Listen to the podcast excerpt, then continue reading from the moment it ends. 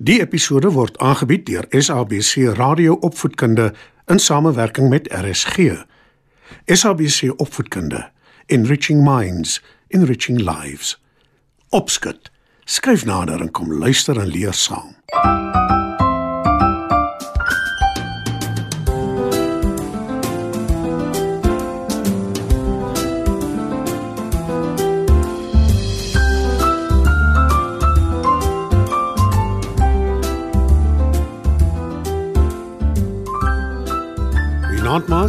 Dis weer tyd vir opskud.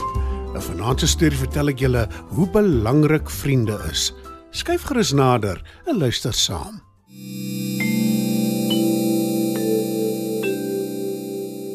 Daar was eendag 'n boer en sy vrou wat op 'n afgeleë plaas ver van enige dorp af gebly het. Hulle was nie meer jonk nie, maar hulle moes nog steeds elke dag werk om kos op die tafel te hê. Hulle enigste buurman was 'n nare, slinkse ratel. Hy het gereeld in die boer se landerye ingegaan en dit geplunder. Dan is die groente en graan wat die arme boer gesoeg het om te plant en te laat groei, daarmee heen. Op 'n dag kan die boer dit nie meer verduur nie en besluit genoeg is genoeg. Hy wag die ratel in met 'n dik stok en is vasberade om hom oor die kop te slaan as hy hom in sy landerye vang. Dag en nag wag hy. Dag en nag is daar geen teken van die ratel nie. Die boer besluit later om 'n wip te stel en toe op 'n dag vang hy souwaar die ratel in die wip. Die boer slaan die dier oor die kop met sy stok. Hy bind die katswink ratel se pote vas en dra hom op die stok huis toe. Toe sy vrou hom sien met die ratel, slaan sy haar hande saam en roep: Wat gaan jy nou doen met die ratel? Ek gaan hom in die skuur ophang aan sy pote. Antwoord die boer. Toe voeg hy by: En môre gaan ek groente pluk sodat ons kan sop maak van hom. Ek het genoeg gehad van sy streke. Nou is die ratel baie bang.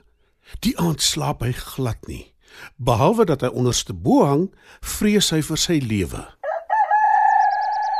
Die volgende oggend vroeg gaan die boer na sy landerye toe. Sy vrou maak die skuur se deur oop en gaan haal koring om fyn te stamp om brood te maak terwyl hy weg is en sy los die deur oop. Die ratel hou haar dop en na ruk sê hy: Dit lyk na harde werk. As jy my losmaak, kan ek jou daarmee help. "Maar die boer se vrou wil niks weet nie en sy sê: Nee, dankie. My man sal kwaad wees as ek jou losmaak. En jy het ons baie skade berokken. Die ratel bly pleit by haar. Hy kla dat hy baie pyn het en hy beloof hy sal nooit weer hulle groente en graan steel nie. Naderhand kry die vrou hom jammer en sy maak hom los. Maar in plaas daarvan om haar te help soos wat hy beloof het, slaan hy haar oor die kop, bind haar vas en maak haar toe in die skuur, steel die koring en draf weg.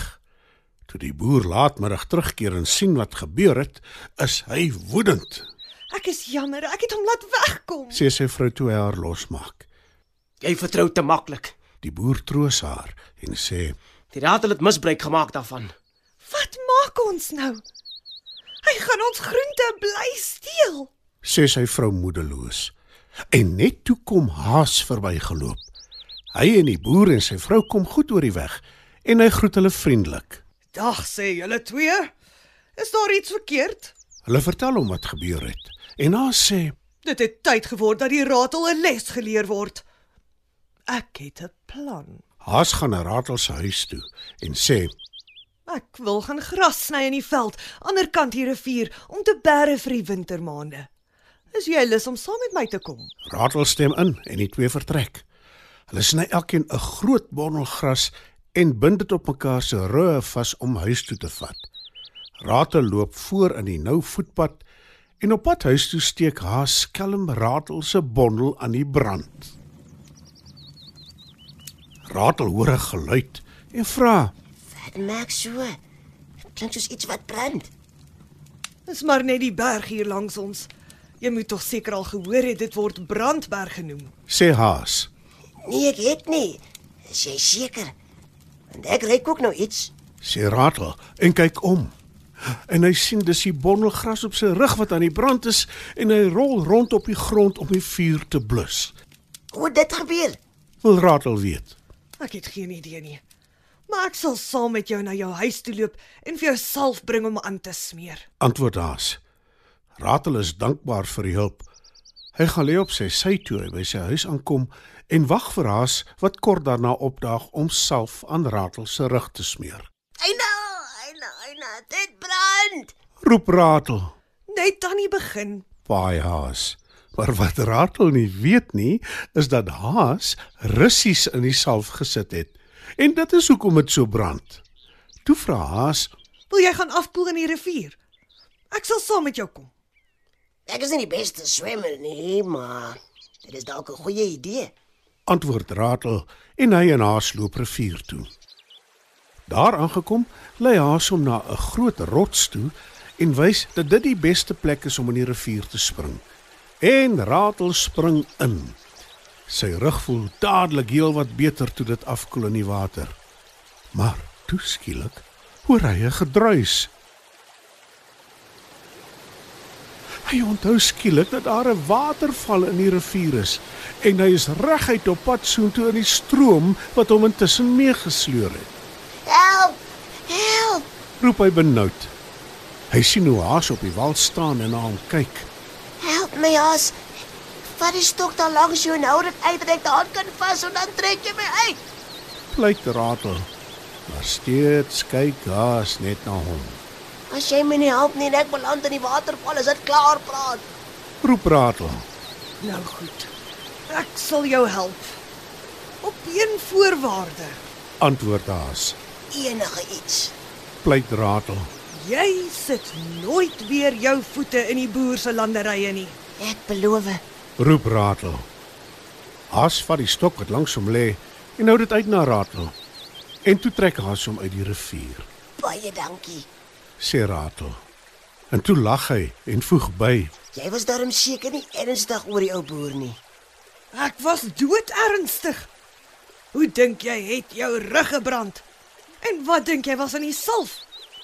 En nog iets. Wie dink jy het jou na die rots toe gelei? sê Haas. Ratel se oë rek groot en hy sê: Jy Dit was alles jy. Dis reg, Ratel. Die boer en sy vrou is my vriende. As jy nie jou belofte hou nie, kry jy weer met my te doen. Verstaan ons mekaar? Antwoord Haas. Die ratel knik vinnig. Toe draai hy om en hardloop weg.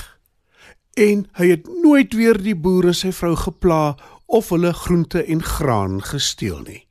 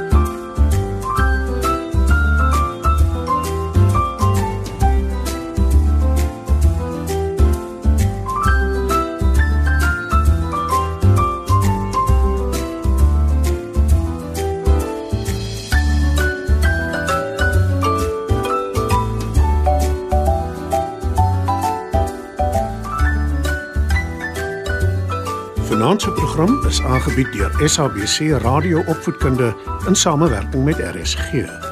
SABC Opvoedkunde, Enriching Minds, Enriching Lives.